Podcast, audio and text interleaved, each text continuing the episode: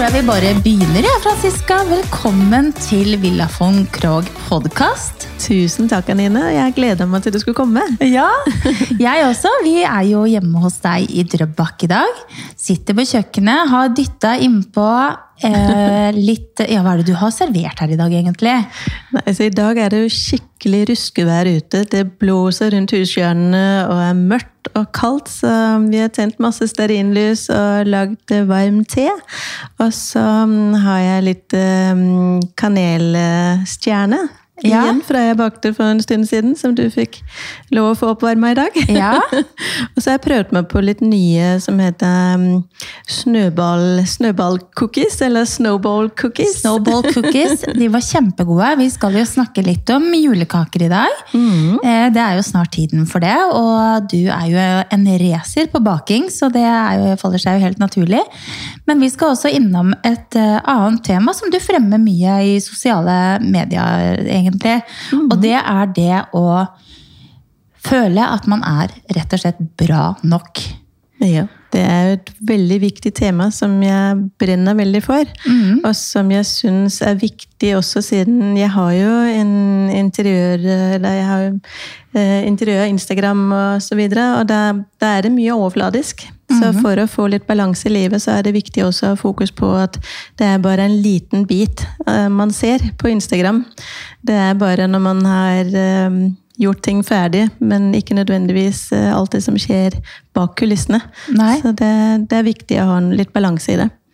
Det som er med Instagram, som også jeg tror veldig mange tenker om meg, det er at det, alt er så pent og flott. Og, ikke sant? Man, selv om man mm. har et fint hus og en fin hytte mm. eh, og en fin familie, så kan liksom folk tenke sitt at det, eh, hun der, hun har det så bra.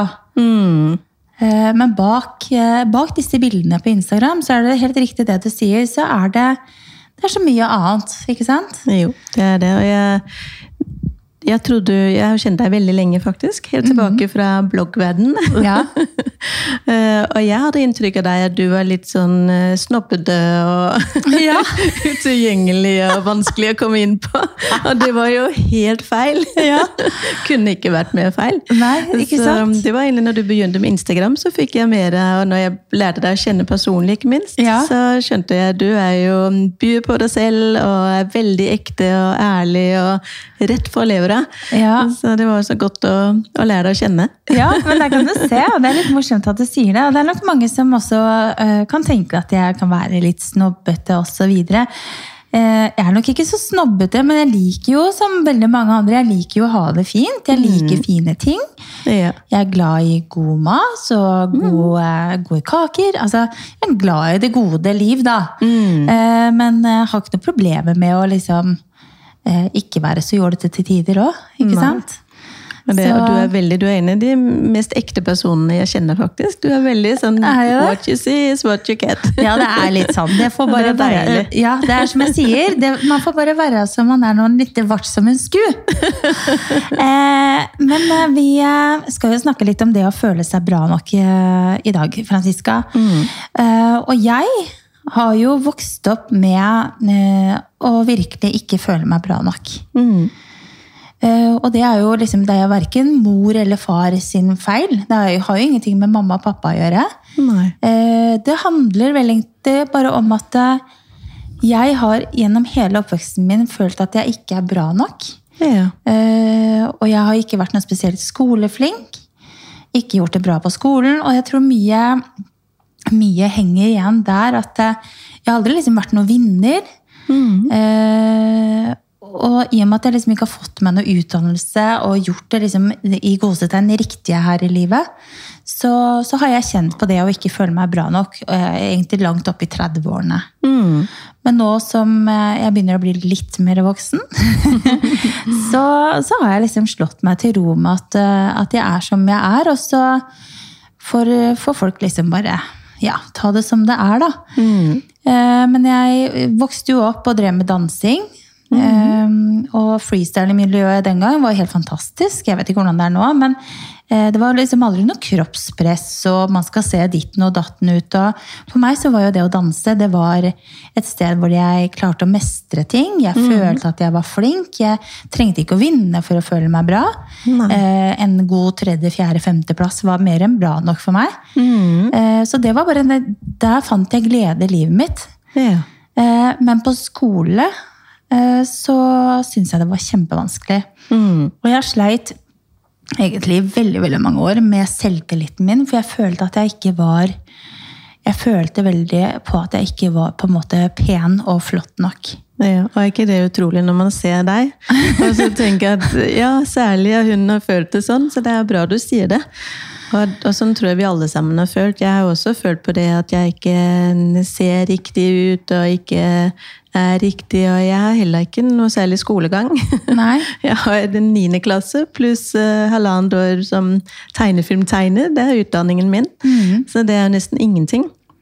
Um, men den har jeg faktisk ikke følt så mye på, fordi jeg jobber med kreative ting, og da blir man mer dømt på hva man har gjort.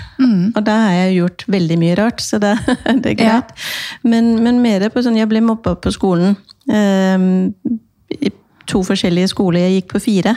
Ja. Eh, fire barneskoler. Ja. um, Det er ikke så lett å bytte skole så ofte. Nei. Og der kom lille lille sjenerte meg, og ja, det, det gikk så langt at um, på en, den ene skolen der var jeg hjemme hver torsdag og fredag. For Ja. jeg klarte å holde ut mandag, tirsdag og onsdag, og så fikk jeg så vondt i magen at jeg måtte være hjemme. Oh. Jeg fortalte ingenting hjemme. Eh, For jeg, jeg turte ikke å si noe. Jeg var redd for hva de skulle gjøre mot meg, de som mobba meg. Mm. Så jeg sa ingenting annet enn at jeg hadde vondt i magen. Um, og når jeg ser tilbake nå, så syns jeg jo det er hjerteskjærende. At det Ja. skal være sånn. Og jeg var en liten, søt, forsiktig jente som aldri gjorde noe galt. Men eh, jeg vet ikke hvorfor jeg ble mobba. Jeg var sikkert bare det jeg var litt ny, annerledes. Så, men heldigvis så flytta jeg til en ny skole, og der fikk jeg én god venninne. Og man Ja. trenger ofte bare én god. Og det gjorde hele forskjellen for meg. Ja. Og der blomstra jeg, og plutselig kunne jeg være bare den jeg var. Mm. Og jeg begynte også å ri. Og um, hestene de lytter alltid. Man kan fortelle dem alt, og lenge. Og gråte litt inn i mannen deres. Ja. Så ja. Tårene sitter litt løst her på begge to nå. ja. Ja. Ehm, ja, vet du hva. Det, jeg, jeg, det, jeg får vondt i hjertet rett og slett av å høre det. Jeg har jo vært igjennom noen år selv med barn på skolen som har blitt mobbet. Mm. Og det er jo en av de største grunnene til at vi flyttet også. Ja. Eh, og vi byttet eh, skole for fire år siden og har lett etter et sted å bo i Vollen. Mm. Eh, Rett og slett For å komme oss vekk fra, fra det som var, og alt det vonde som har vært. ja. Så trist. Så det, men heldigvis så har vi jo vi hatt et barn hvor vi har sett utfordringene. ikke sant? Så bra. Eh, og vi har da liksom valgt å ta tak i det og få henne over på en ny skole. Ja. Noe som har vært helt fantastisk. Så bra. Eh, så, så det handler om å bare Ja, man må være der for hverandre. Og så er det jo en gang sånn at eh, man gjør jo alt for disse barna sine. Ja, man gjør jo det, og, det er bra. Det er bra det er fokus på antimobbing, og, og sånn, og det skal det være også. Og, og tilbake til det med å føle seg bra nok, det det er nok en av grunnene til at det er så viktig for meg med det med å spre det med å føle seg bra nok. For jeg mener helt seriøst, det er en av de viktigste tingene man kan gjøre for å gjøre verden til et litt bedre sted å være.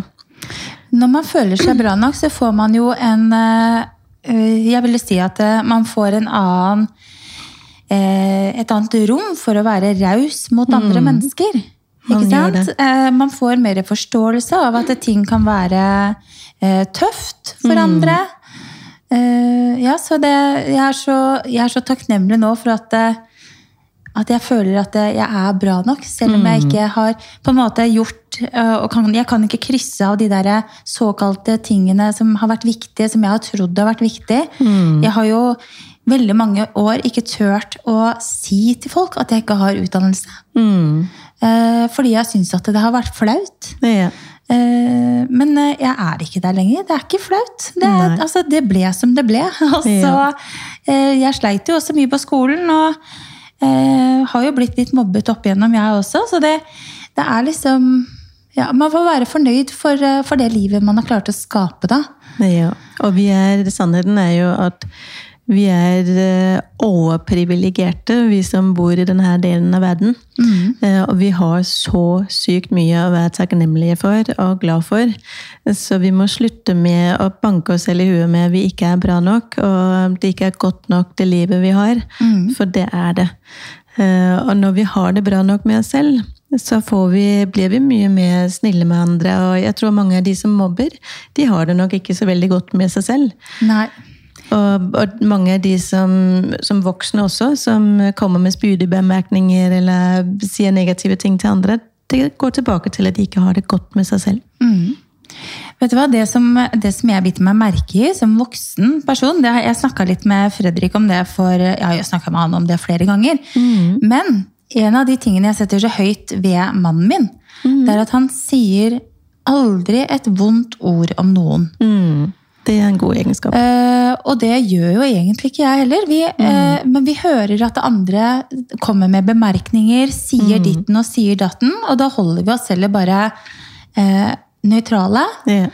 Uh, Istedenfor å skape noen diskusjon. Men altså, det, det, det, er ikke vår stil Nei. å drive oss og snakke om andre, snakke nedverdigende om andre. Mm.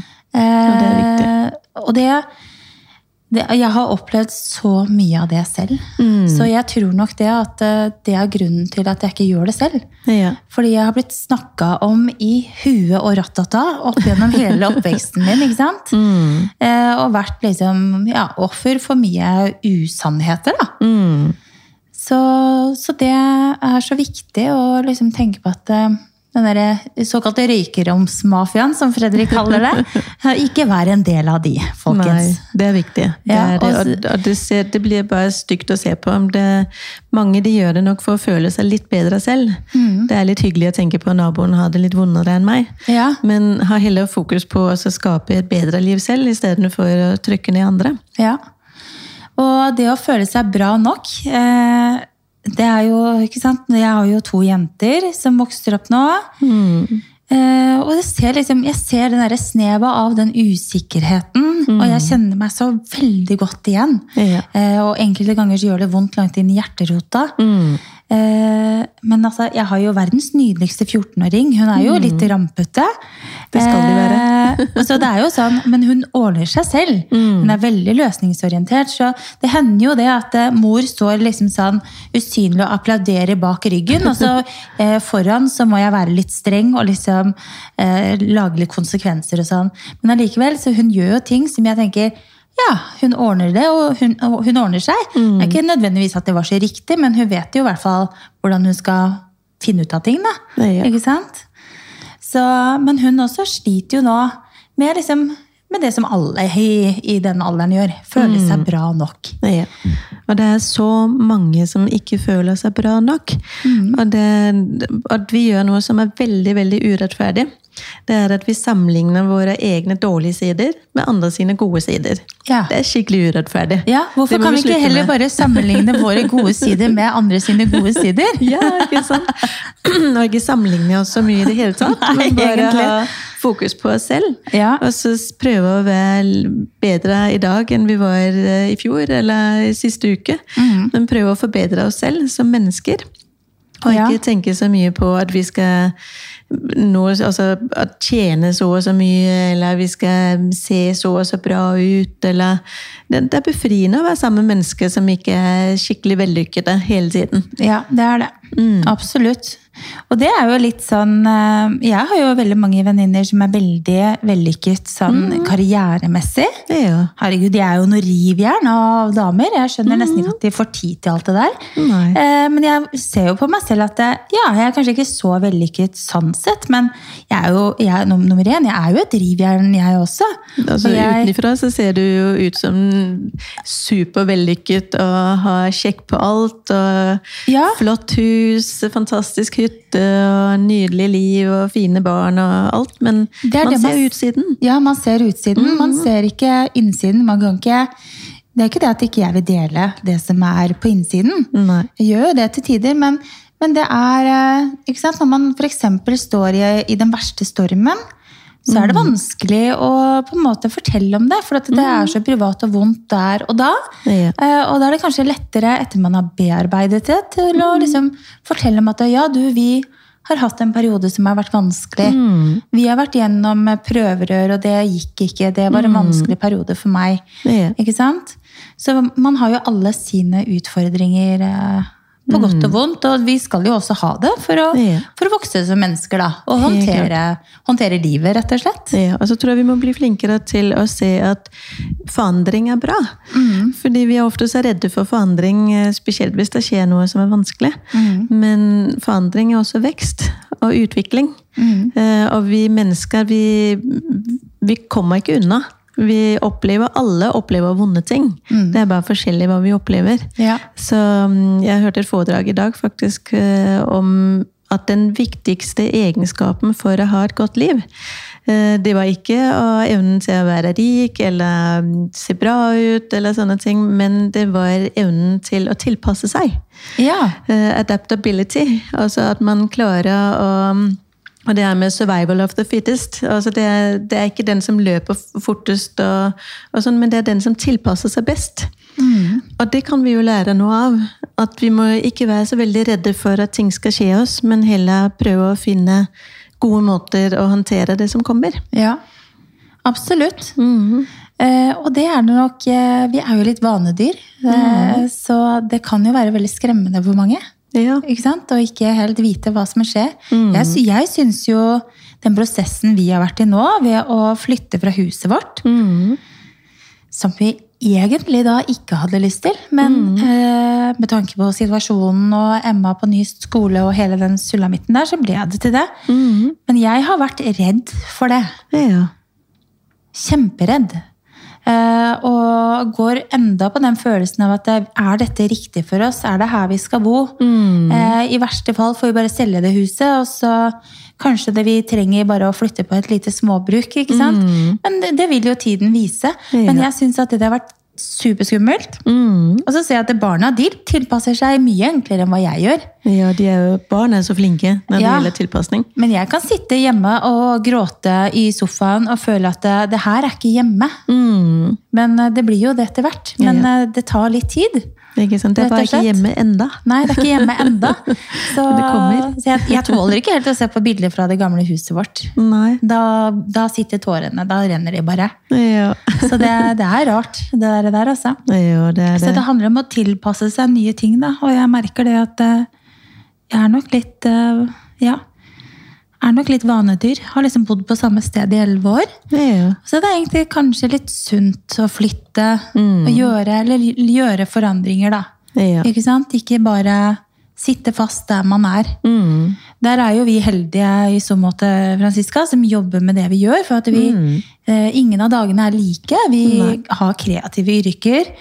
Eh, og sånn som du også gjør mye forskjellig. Ja. Ikke sant? Enten så vinner du kakekrigen, eller så arrangerer du gullfjern, eller så Ikke sant? Du har jo mye Du har jo mye kreative baller i lufta. Ja, det blir jo mye. Men det, men det som er så interessant også, det man ser utenfra. Det jeg er mest redd for, det er å virke overfladisk. Um, fordi det er et litt overfladisk yrke med interiør. Og på Instagram så viser man fram fine bilder og så videre til inspirasjon. Um, men det som folk eh, kanskje ikke vet, og som eh, kan være fint å si høyt flere ganger også, det er grunnen til at jeg begynte med interiør. Det, det er egentlig en veldig trist grunn. Ja. Um, hvor jeg jobbet med kurs i personlig utvikling og, og hjalp folk til å få et bedre liv. Eh, og så opplevde jeg et stort tap i livet, hvor jeg mista mannen min i kreft. Og jeg var 30, og han var 40, og det, det var jo en kjempekrise og sorg i livet mitt. Ja. Eh, Så alt, hele livet mitt raste jo sammen. Og jeg måtte bygge det opp på nytt.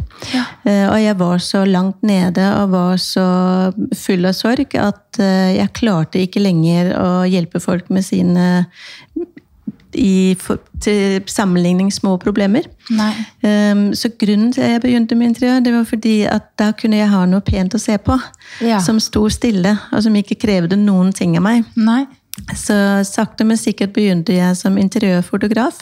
Ja. Uh, og det ser jo fint og flott ut, men det er fordi Og det- tror jeg er grunnen til at mange på Instagram også. Veldig mange på Instagram de har jo kroniske sykdommer og mm, har litt tøffere tak enn kanskje folk flest.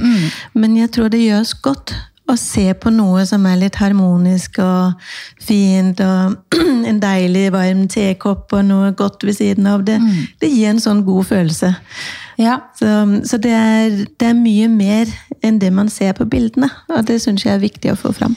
Det er veldig sant. eh, Og det som er også med Instagram, og som det også var i gamle dager med liksom mer med interiørbloggene, da. Det, var et, eh, det var et oppholdssted hvor man på en måte kunne slappe av litt, og det var liksom friminutt. Ja, det er akkurat Eh, det. Man, man fikk, fikk liksom tankene over på noe annet. Mm. Jeg får jo veldig ofte litt sånn tyn for at jeg bruker mye tid på Instagram og ser på andres bilder. og Mm. ikke sant? Jeg sitter på Instagram nå igjen. Så bare, det er ikke det at det nødvendigvis bare er jobb, men det handler om at det, eh, det er som, Før så bladde jeg jo masse interiørblader. Mm. Men det, det, der, det behovet har liksom blitt litt eh, dekket av at jeg har Instagram tilgjengelig. Mm. Eh, og så er det fine folk og fine mennesker, ikke sant? så man heier på hverandre. og Mm. Det er et utrolig fint eh, nettverk på Instagram av Ja. interiørprofiler og liksom, ja, de som vi har kontakt med. da. Ja.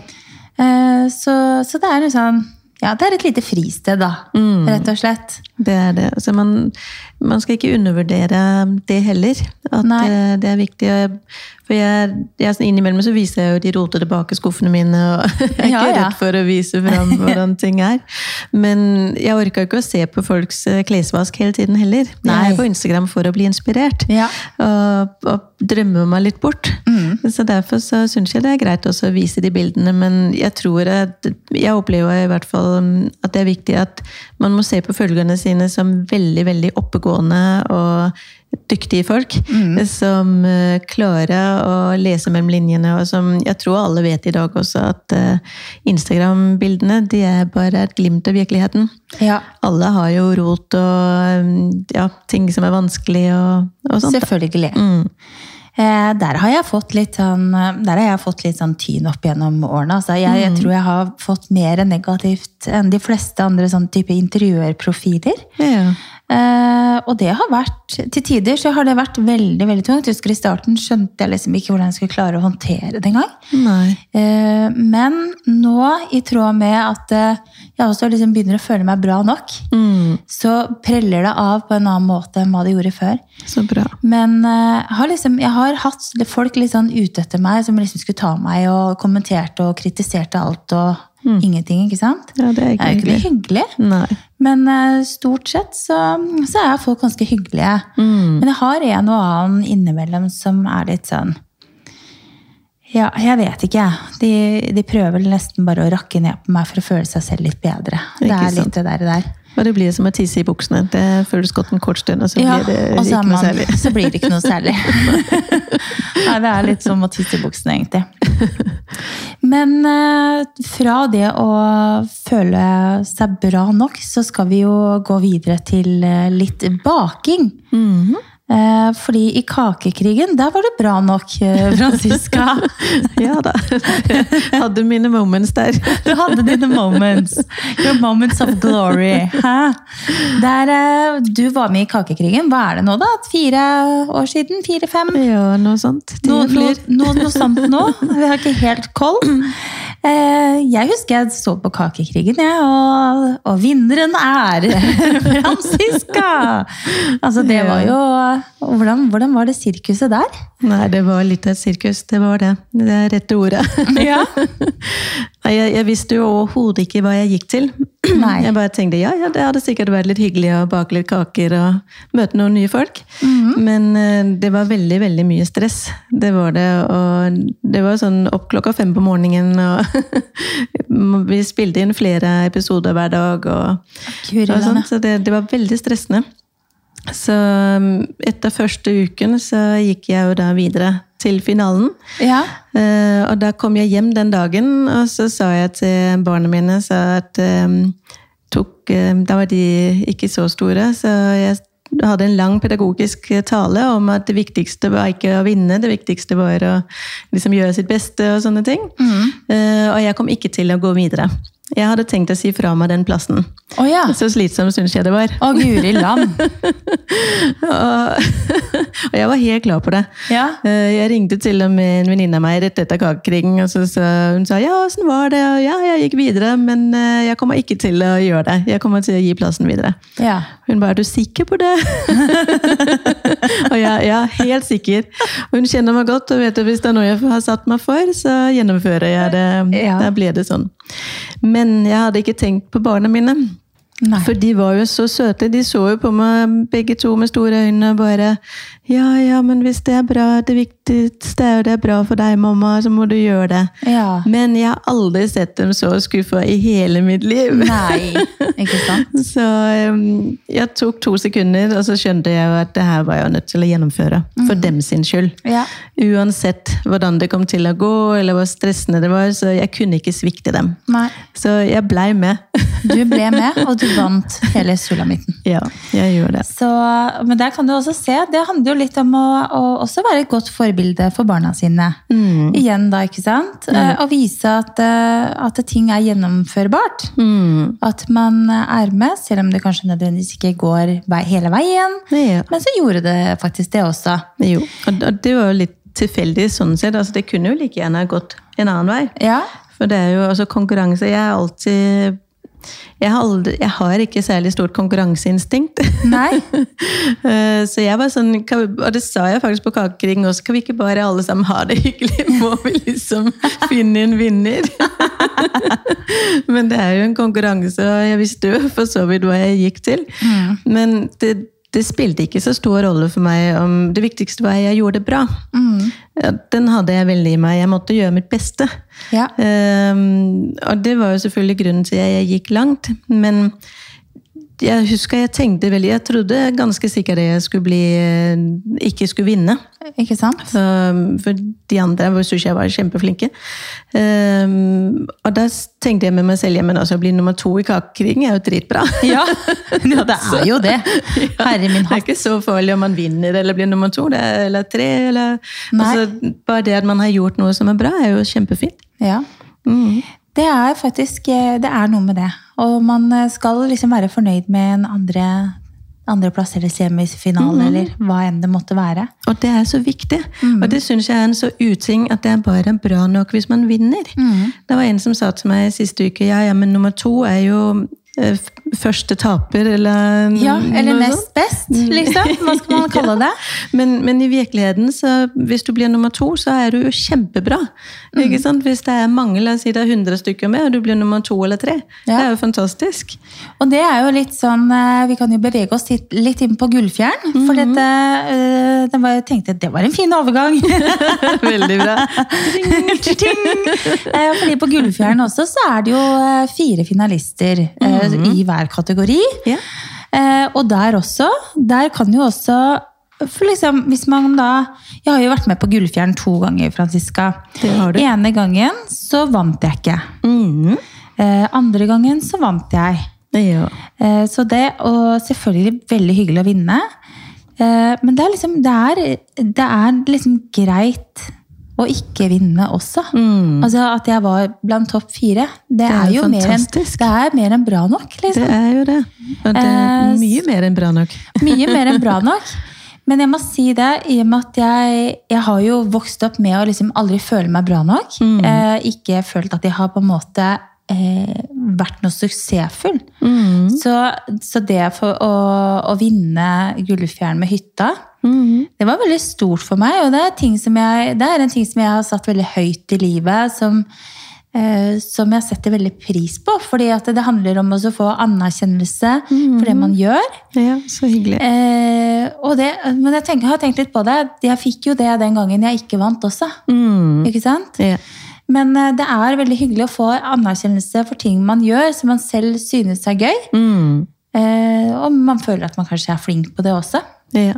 Eh, men det er liksom nå i de senere år vi har liksom begynt å, å se det at, Å sette pris på den tilbakemeldingen jeg får. Da. Det Mm. å være seg liksom en følger som skriver at eh, hun syns det er fint, eller noe er Mm. flott, eller den oppskriften jeg bakte her, den var kjempegod, tusen takk for fin oppskrift. Ja. Det er liksom, ja, man må, man må sette litt pris på det, da. Ja, og det er så viktig at, at det er vi kvinner så dårlige til at vi får 100 gode kommentarer. Ja. Så får vi én dårlig, og hvem henger vi oss opp i?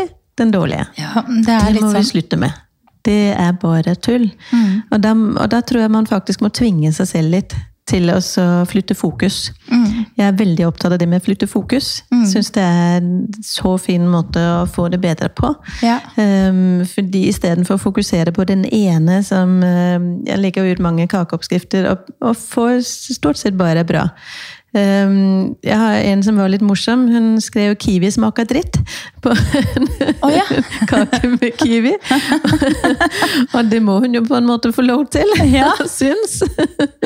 Kiwi smaker dritt. Kiwi smaker dritt. det var kanskje ikke en kommentar jeg selv hadde lagt inn, men altså Istedenfor å henge seg opp i den ene kommentaren Mm.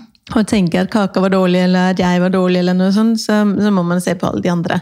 Ja. De skriver at det er så flott kake, eller hva Ja. de nå skriver. Ja, det er noe med det. Men vi er nok litt for flinke til å, å bite oss merke i de dårlige kommentarene. Ja. Eh, I hvert fall hvis det ikke er så vanlig å få de. Mm. Ja. Så vil jeg tro at det kan være litt uh, kjipt.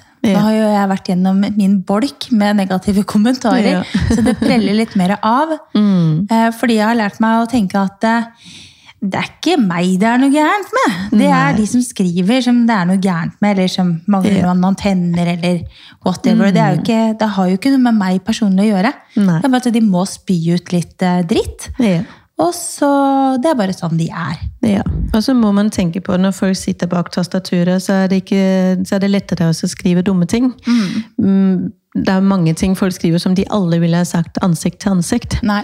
Eh, og et godt eksempel er jo sånn jeg la ut i går, faktisk, med forslag til eh, Er det noen som har forslag til hva jeg kan ha på denne veggen? Ja. Um, og det som er interessant, jeg, jeg tror jeg har fått en 300 kommentarer.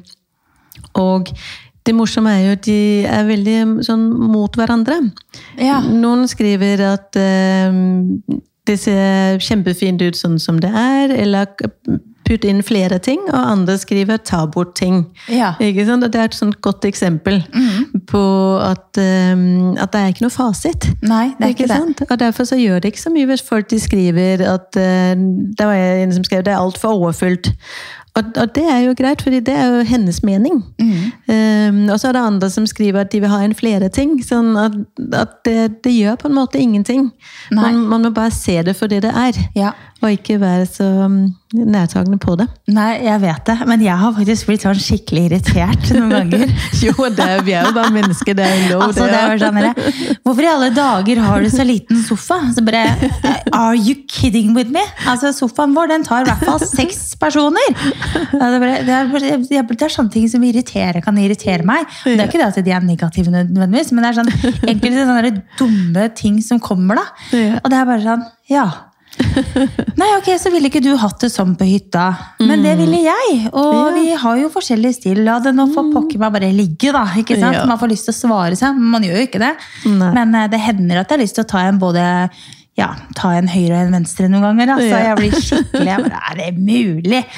Men Altså, jeg, jeg syns det er lov å slette kommentarer også, hvis, hvis det er ufine. Ikke hvis det er sånn konstruktiv kritikk, er veldig positivt. Ja. Men hvis det er sånne som er eh, under beltestedet, så syns jeg faktisk man skal slette.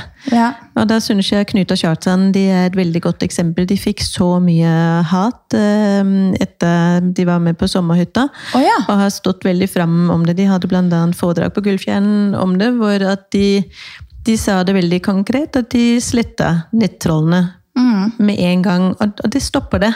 Ja. For det er gjerne bare noen få stykker som um, er så dumme at de kommer med sånt. ja, og det. Ja, og det som også er med det, hvis det ligger der synlig for alle som kan lese det, så blir det til at andre kommenterer under, Ja. og liksom, så får de liksom, da får de oppmerksomhet. Ja, og da man, puster man liv i det. Ja, og det er bare åh, da sitter de hjemme og klør seg i huet og under armen og flirer og bare Nå er de irriterte nå.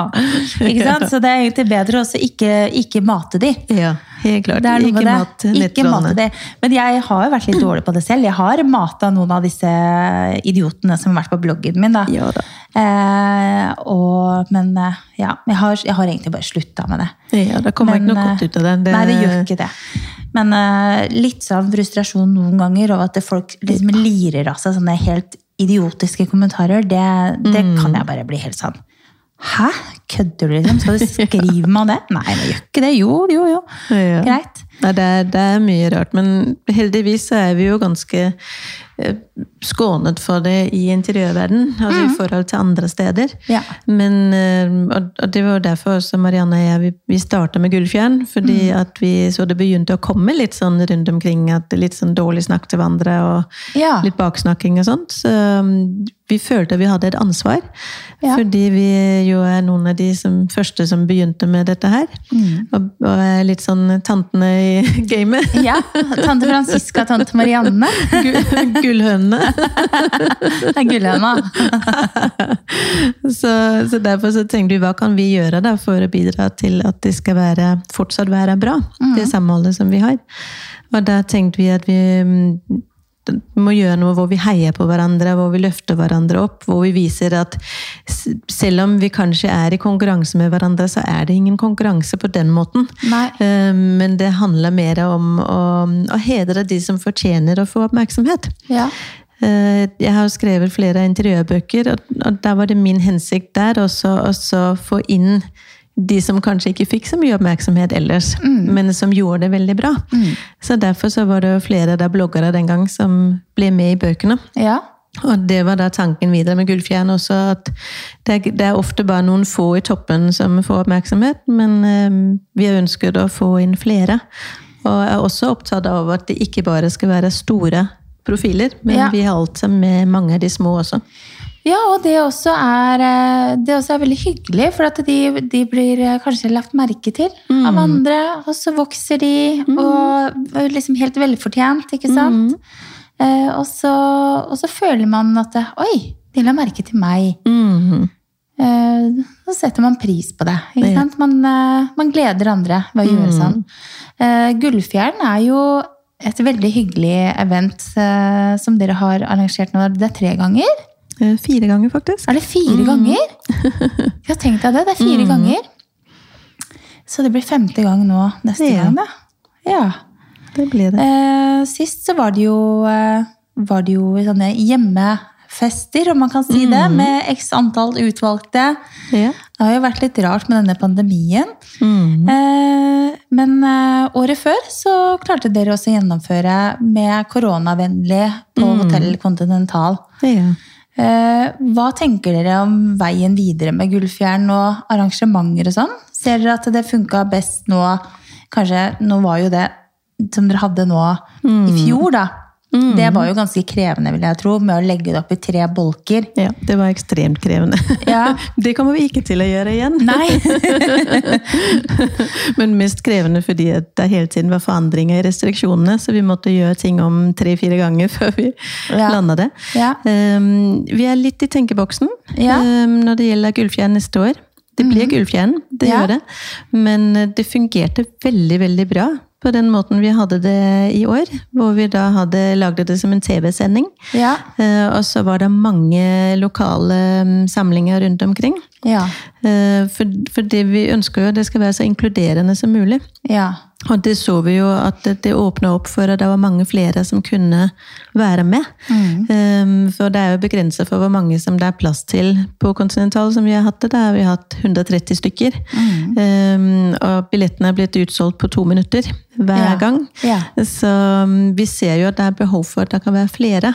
Og det er ikke så lett å arrangere noe sånt for 1000 mennesker. Nei, det så å skjønner gjøre det intimt sånn som vi ønsker å ha det. Så kanskje vi skal fortsette med at vi da lager mange lokale samlinger rundt omkring og ha det som en TV-sending. Ja. Kanskje vi kommer til å ha et event. Vi får se. Ja. Følg med. Det blir spennende. Da er det bare å følge med. Det gjør vi jo alle sammen, da, for så vidt. Både på eh, din profil og Marianne sin profil. Eh, fra gullfjern over til eh, noe som du er veldig god på, da. Det er jo å bake. Mhm. Hvor kom denne inspirasjonen altså hvordan, hvordan klarer du å finne inspirasjonen tilbake? Hvor er det du har lært deg det? Mm Eh, ja, hvor, hvor har du lært å bake, Franziska? Det kommer nok fra farmor. Ja. Eh, Jeg, hun var veldig god på å lage mat og bake og kaker og sånt. Og jeg fikk alltid lyst til, eller lov til å sitte på kjøkkenbenken og være med. Ja. Eh, Så fra jeg var veldig liten, så husker jeg jeg var på kjøkkenet til farmor. Eh, Og det var veldig koselig. Og det som var kult med farmor, det var at hun lagde aldri, nesten aldri den samme tingen to ganger. Nei. Og hun var ekstremt innovativ. Eh, og det skulle man jo ikke tro. Altså, hun, eh, hun er jo død nå, men hun hadde vel vært en eh, 90, 90 år nå. Ja. Um, og, men hun fant altså opp de mest kunstferdige rettene med altså, innbakte egg i kjøttdeig med bacon rundt. Altså, sånne veldig spesielle ting Ja. som farmødre vanligvis ikke gjør. Um, så hun har vært en stor inspirasjon. Ja. Og så er jeg veldig introvert som person. Ja. Eh, Så det å stå og bake og være i min egen verden, det er noe av det beste jeg vet. Det er så koselig. Ja. Eh, Langt unna kakekrigen, som Ja, ikke ikke er der i det hele tatt. Men det å stå på kjøkkenet, og, og så elsker jeg å finne nye oppskrifter og eksperimentere og prøve nye ting, da. ja. Nå har du jo laget disse snowball cookies i dag.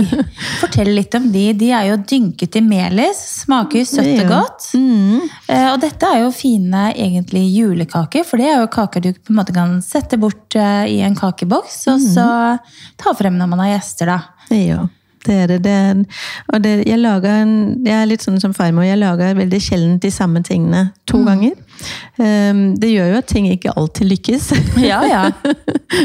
men, men det er det som er litt gøy med baking og mat, at man kan nesten alltid gjøre noe for å redde det. Um, så ikke at det her trengte så mye redding, redning, men um, det har jeg opplevd mange ganger at uh, Oi, ja, det ble ikke helt som jeg hadde tenkt. Nei. Nei, det kan du se. Mm. Men hva er, det du har, eh, hva er det du har brukt i disse? Hvordan har du laget de? Det er jo egentlig en vanlig cookies-deig, men eh, uten sånn chocolate chips som man vanligvis har i cookies. Ja. Um, men heller da Egentlig skal det være um, småhakka pekannøtter, men det hadde jeg ikke når jeg fant på det i går kveld, så, så da ble det cashew og valnøtter isteden. Ja. Og det fungerte veldig fint, det òg. Ja, jeg syns det. Smakte Ja. veldig godt. Ja, og så er det egentlig bare å rulle dem til små baller, steke dem, og så rulle dem i melis etterpå. Og Ja. da ser de ut som sånne små, søte snøballer. Det var utrolig fint. Du har liksom stabla de opp som en sånn snølikt. Veldig, veldig fint. Og, og de kan du fint liksom ha i en kakeboks, eller må du putte det i fryseren? Nei, de holder veldig lenge. Ja. Så de- de kan du ha gjennom hele desember. Ja, ikke sant? Hvis de holder så lenge, da. For Ja. halvparten forsvant når barna kom inn og skulle smake, mannen min, og jeg, Ja, ja. jeg må innrømme, jeg også fikk Ja, ja. dytta i meg et par stykker i går. Man må jo det. Når man har bakt noe, så må man jo spise det. må smake om det ble godt. Men uh, julen handler jo veldig ofte om tradisjoner, og veldig mange av oss er, eh, er oppvokst som ikke med alle slagene, så er man liksom oppvokst med noen slag. Er det noen julekaker som du på en måte må innom hvert eneste år? Nei, altså jeg er jo som sagt nok den som heller prøver nye ting. Ja, Og det er jo litt som å banne i kirken når det gjelder jul, for da ja skjønner jeg at det er egentlig veldig upopulært. Ja. Men det er bare sånn jeg fungerer. Jeg, jeg syns det er kjempegøy å prøve nye ting. Så um, for meg så skal det et eller annet uh, julekaker skal det lages. Men jeg syns det er mest gøy å lage dem, egentlig. Ja. Eh, Selv om det er godt å spise, så um, får jeg mer ut av å lage dem lage enn av å spise dem. Ja. Og så er det selvfølgelig alltid hyggelig å ha noe når man får besøk og sånt. Ja, ja, ha noe å by eh, på. Ja, men så mange julekaker går det ikke, Nei. egentlig. Nei, det gjør jo ikke det. Jeg baker ikke julekaker. Nei, hva, hva har du av sånne julekaketradisjoner? Eh, altså jeg lager pepperkaker, sikkert fire-fem runder med barna. Ja. Og der har jeg prøvd eh, et par ganger å lage egen pepperkakedeig. Mm. Men så har jeg funnet ut det at jeg syns ikke det de jeg har prøvd ut, har liksom ikke vært like gode som den jeg kjøper på Ikea. Eller på Meny. Jeg kjøper liksom enten der eller der. Eh, så, da, så det blir rett og slett ferdigdeig. Mm. Ruller ut og kjevler og, og styrer og ordner. Eh, Og ungene syns det er veldig hyggelig med pepperkake og pynte da, med melis og litt godteri og Nonstop. Og... Mm. Det Men er det, blir jo det blir veldig fort tomt. Det er rart med det. Ja. Så vi må liksom gjennom noen runder med pepperkaker. Mm. Ellers så skal man aldri kimse av bakeren heller, ikke sant? Nei. Så jeg, eh, jeg holder liv i bakeren ved å gå og kjøpe litt julekaker der. Ja, viktig det Eh, Og da er det ofte Det er ofte krumkaker som, Mm. eh, som det går i, altså. Ja. Som jeg ser liksom når vi har besøk, og så er det alltid i desember 'Har du noen krumkaker, eller, Anine?' Ja, ja, ja, det har jeg, vet du. Det er så, koselig. så jeg kjøper det, jeg kjøper det som oftest hos bakeren i det ja. Asker. Men Det er hyggelig, det òg. Så den der tradisjonen ved å bake masse i desember, det har vi ikke. Men vi, det er liksom, vi er innom pepperkaker. Mm. Og så lager jeg og Fredrik sammen da pepperkakehus. da. Ja, du lager kjempeflotte pepperkakehus. Jo, takk for det. Det gjør du òg. Herre min hatt. Men det er, eh, det er sånn koselig Det gir veldig julestemning, syns jeg, da. Ja, det er veldig hyggelig. Og Så er det jo fin pynt. Det er også. veldig fin pynt. Og det, det som jeg jo har funnet ut de seneste årene, er at de kan faktisk overleve Ja. til, til året etter. Ja, Så jeg har noen pepperkakehuset fra i fjor, det står nede. ja det går i hvert fall ett år. Ikke ja, sant? ja, sånn to år har, vært, um, har jeg prøvd, og det, det gikk det også, med melisdryss. Ja, bare drysse over litt ny, ny Dryss melis. godt med melis. Ja. Men det eh, jeg pleier alltid det mm, Den oppskriften denne jeg har lagt ut på bloggen min om å lage snøglasur. Ja.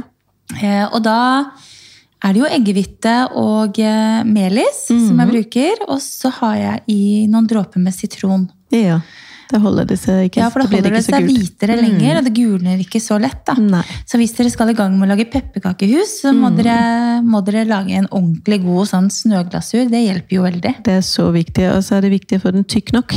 Mange de bruker melis og vann, og Mm. Ja, da blir den ikke. grå, og så renner det. Ja. Bruk melis og eggehvite. Og, Ja, og sett den på eh, kjøkkenmaskinen og la den liksom stå og jobbe, helt til du kan nesten ta og sette denne eh, bollen på hodet. Det skal ikke dette ut, liksom. Skal skal sitte fast. Det er viktig. Så, så det, det er eh, dagens eh, viktigste tips, rett og slett.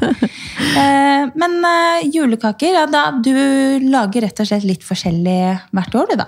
Ja, jeg gjør gjerne det. Og så er det litt dette ja, hva man har lyst til, og hva barna har lyst til. Og, men jeg syns det er koselig å bake for å få julestemning, rett og slett. Ja.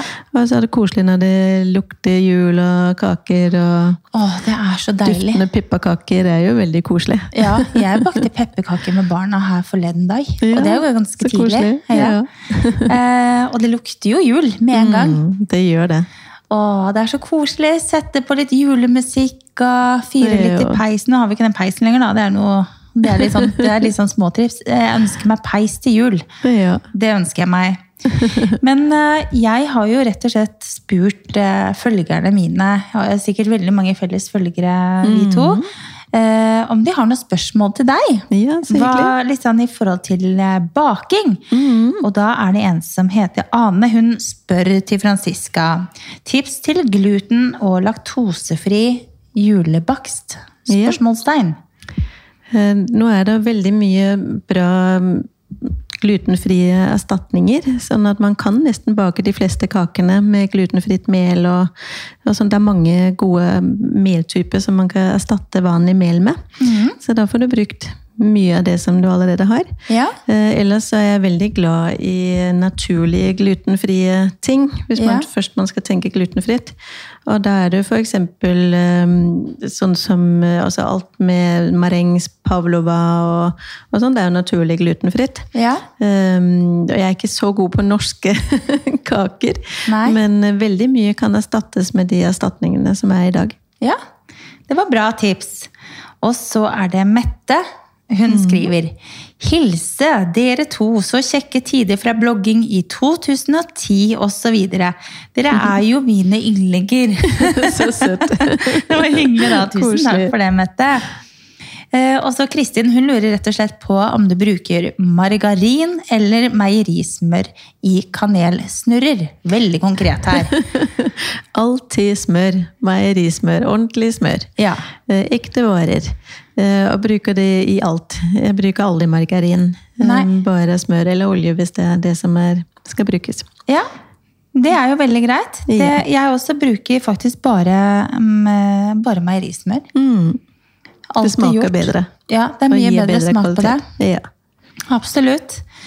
Eh, da skal vi bevege oss litt eh, vekk fra baking. Vi har jo vært innom kakekrigen og det sirkuset der, og litt eh, av dine julekaker, som da for øvrig er forskjellige fra år til år. eh, hver uke så har vi jo i Villa von Krogh podcast så har vi denne ønskelisten.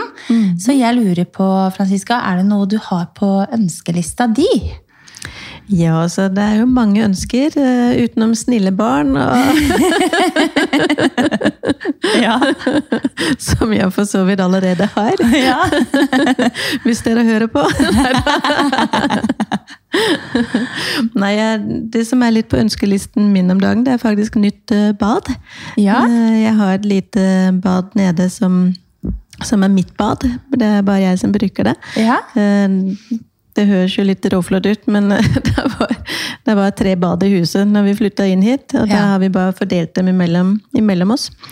Um, og det har ikke vært pussa opp uh, siden vi flytta inn. Jeg har bare malt flisene med litt uh, kalkmaling, som Ja. for så vidt har fungert veldig bra.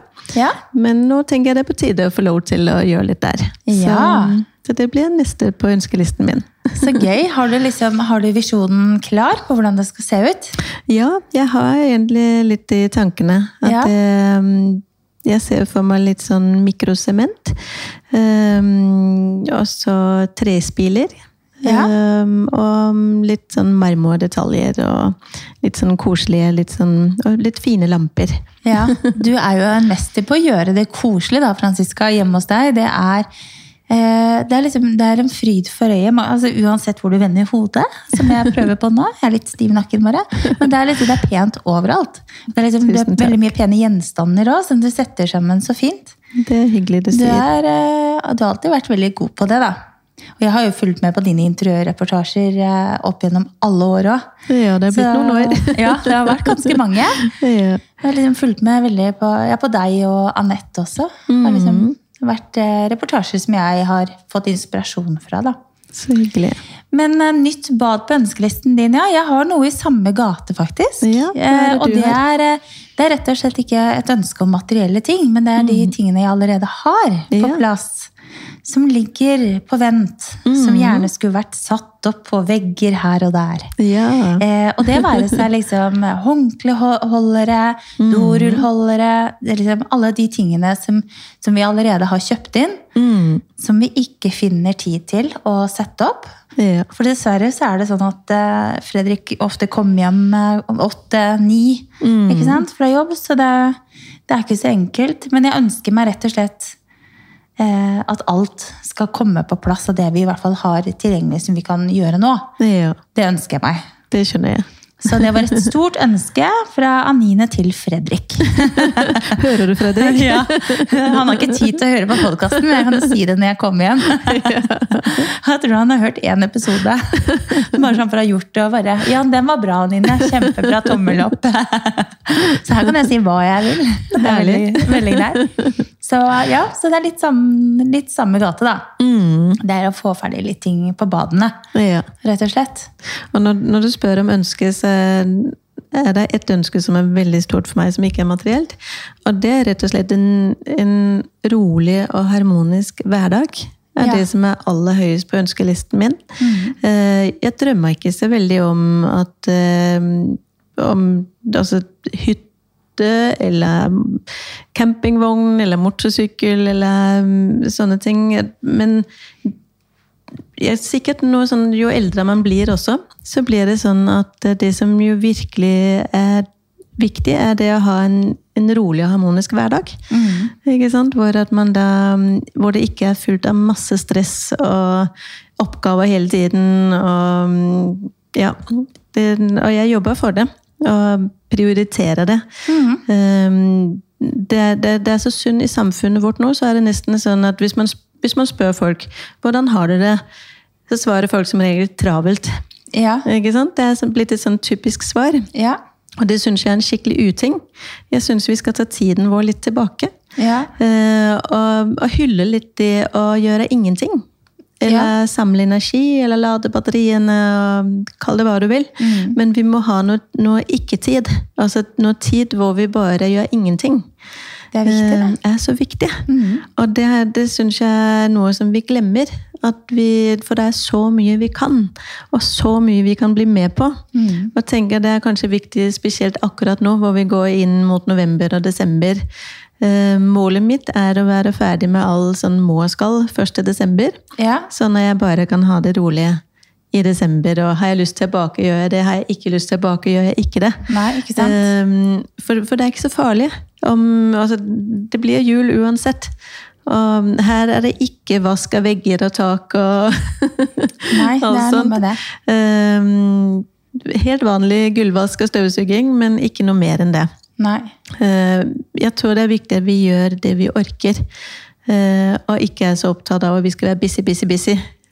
Nei, og nå har vi vært gjennom eh, eh, halvannet år med pandemi, hvor vi også har vært veldig eh, på en måte skjermet fra hverandre. Vi har fått mer tid til å, eh, å være litt alene, lade batteriene. ikke sant?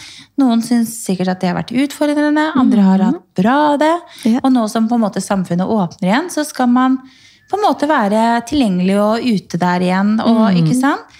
Men uh, viktig det også kanskje si nei til et og annet innimellom også. Ja, Og ikke kjøre seg selv for hardt. ikke sant? Og det syns jeg også, i forhold til det at jeg skulle lage podkast med deg, så, så sa jeg det at eh, vi kan godt spille inn i studio i Oslo, eller så kan jeg komme hjem til deg. Ja. Eh, og da var du jo veldig glad for at du slapp å dra inn til Oslo og styre med parkering. For at det, det er klart det, det er jo hyggeligere, for det første, å komme hjem til deg. Men så blir det ikke så mye ut av det for din del å måtte styre med heller, ikke sant? Ja. Nei, jeg var så glad for at du kunne komme hjem. Og med en gang du spurte, så tenkte jeg da må jeg si nei. Ja, ikke sant? Men så sa du at du kan bestemme om vi skal komme i studio eller hjem til deg, og da Ja. sa jeg ja. Ja, det er noe med det, her tilpasser vi oss. Ja, ja, veldig bra. Det er service. Veldig greit. Eh, nummer to på min ønskeliste, det er rett og slett det er en materiell, materialistisk ting. Da. Jeg ønsker meg litt nye, litt store lykter til å ha Ja. kubbelys i, til å bruke ute på terrasse og sånt noe. Det er jo litt som forbruksvare. Det holder liksom i noen år, og så, så må man bytte det ut. Og det er sånn det er sånn som jeg går ut nesten og kvier meg for å kjøpe, for jeg syns de er så dyre. Ja. Og så skal de liksom stå ute. Tenk om de blir ødelagt. Så det er sånn, ja. Men eh, noen fine nye lykter, det er Spesielt nå når vi går inn mot den mørke tiden, så er det liksom Det er noe med det der å tenne litt lys, altså. Ja, det, er veldig hyggelig.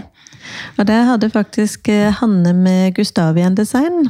De har en veldig sånn hyggelig eh, tradisjon, eh, mannen hennes og henne. Ja. At de tenner lykter for hverandre. ja. Sånn at hvis den ene er ute og jobber og mm, kommer hjem litt seinere, og det er blitt mørkt, så, så tenner de lys i, i de lyktene som står ute, da. No, Det syns jeg var litt koselig. De er noe romantiske, de ja, to der, da. De er veldig fine sammen. Helt det. Ja, nei, så Noen nye lykter, det, det kunne jeg virkelig tenke meg. Mm. Og sånn, Bortsett fra det, så er det jo, det er jo et og annet sånn på ønskelisten, da. Men eh, jeg har det jo egentlig som plommen i egget, da. Ja. Det er noe med det.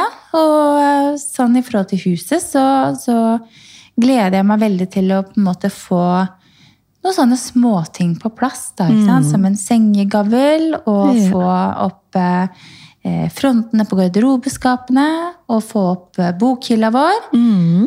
Og gardiner. Og da begynner jeg på en måte, da begynner jeg å bli veldig fornøyd. Så, Ja. så det er liksom en sånn, ja, det er fire-fem ting som jeg veldig gjerne vil ha på plass for å begynne å føle litt at det blir litt mer hjemme, da. Ja, men det skjønner jeg. Men dere har fått det så flott i det nye huset. Jo, takk for det. Helt vanvittig fint. Jo, takk. Vi er veldig fornøyde og koser oss, eh, koser oss veldig. Men det er klart det er, det er liksom, Vi føler ikke helt at det er hjemme ennå, noen av oss. Nei. Eh, Og det går seg til etter hvert. Så vi må gjennom noen Ja. runder med pepperkakebaking og selskaper og bursdager. og Så nå skal vi feire julaften faktisk hjemme i huset vårt i år. Ja, det blir koselig. Og det har jeg valgt helt sånn strategisk fordi Ja. at eh, vi må skape minner der òg, ikke sant? Mm. Og det er jo minnene som på mange måter er med på å skape et hjem også. Ja, Så er derfor så er det jo veldig godt tenkt. For Ja. da, da blir du hjemme med en gang. når man Ja, har holdt så jeg jula. tenkte det, Vi har jo hytta vår vi kan bruke, og sånn, men eh, Mm. der har vi hatt noen eh, julaftener og tilbrakt masse tid. Så nå er det på tide å, å lage det til et hjem for både barna og meg og Fredrik også. Ja, det blir kjempekoselig. det blir bra, det. Ja. Hvor skal du feire jul da, Franziska? Jeg tror det blir hos svigermor og svigerfar. Ja. Vi bytter litt på. Ja, det var hos oss i fjor, så da Ja. blir det nok hos dem i år. Ja. Det er veldig, veldig koselig. Og da tar du sikkert med noen julekaker, du, da. Det blir helt sikkert et eller annet koselig. Ja, men det er, det er alltid hyggelig det å ha med noen når man eh, drar bort også. ja. Ikke minst. Og bidra litt. Mm. Men da tenker jeg det at vi er ved veis ende for i dag. Mhm. Det ble en time, det. Det var veldig koselig. Tida flyr når man har det gøy. Tida flyr i godt lag. Tusen hjertelig takk for at du, at du ble med på podkasten. Så hyggelig at du ville komme hit, Nina. Veldig koselig. Og da gjenstår det egentlig bare å si ha en fin uke videre. Og gjør noe hyggelig for deg selv. Og husk at du er bra nok. Ha det! Ha det!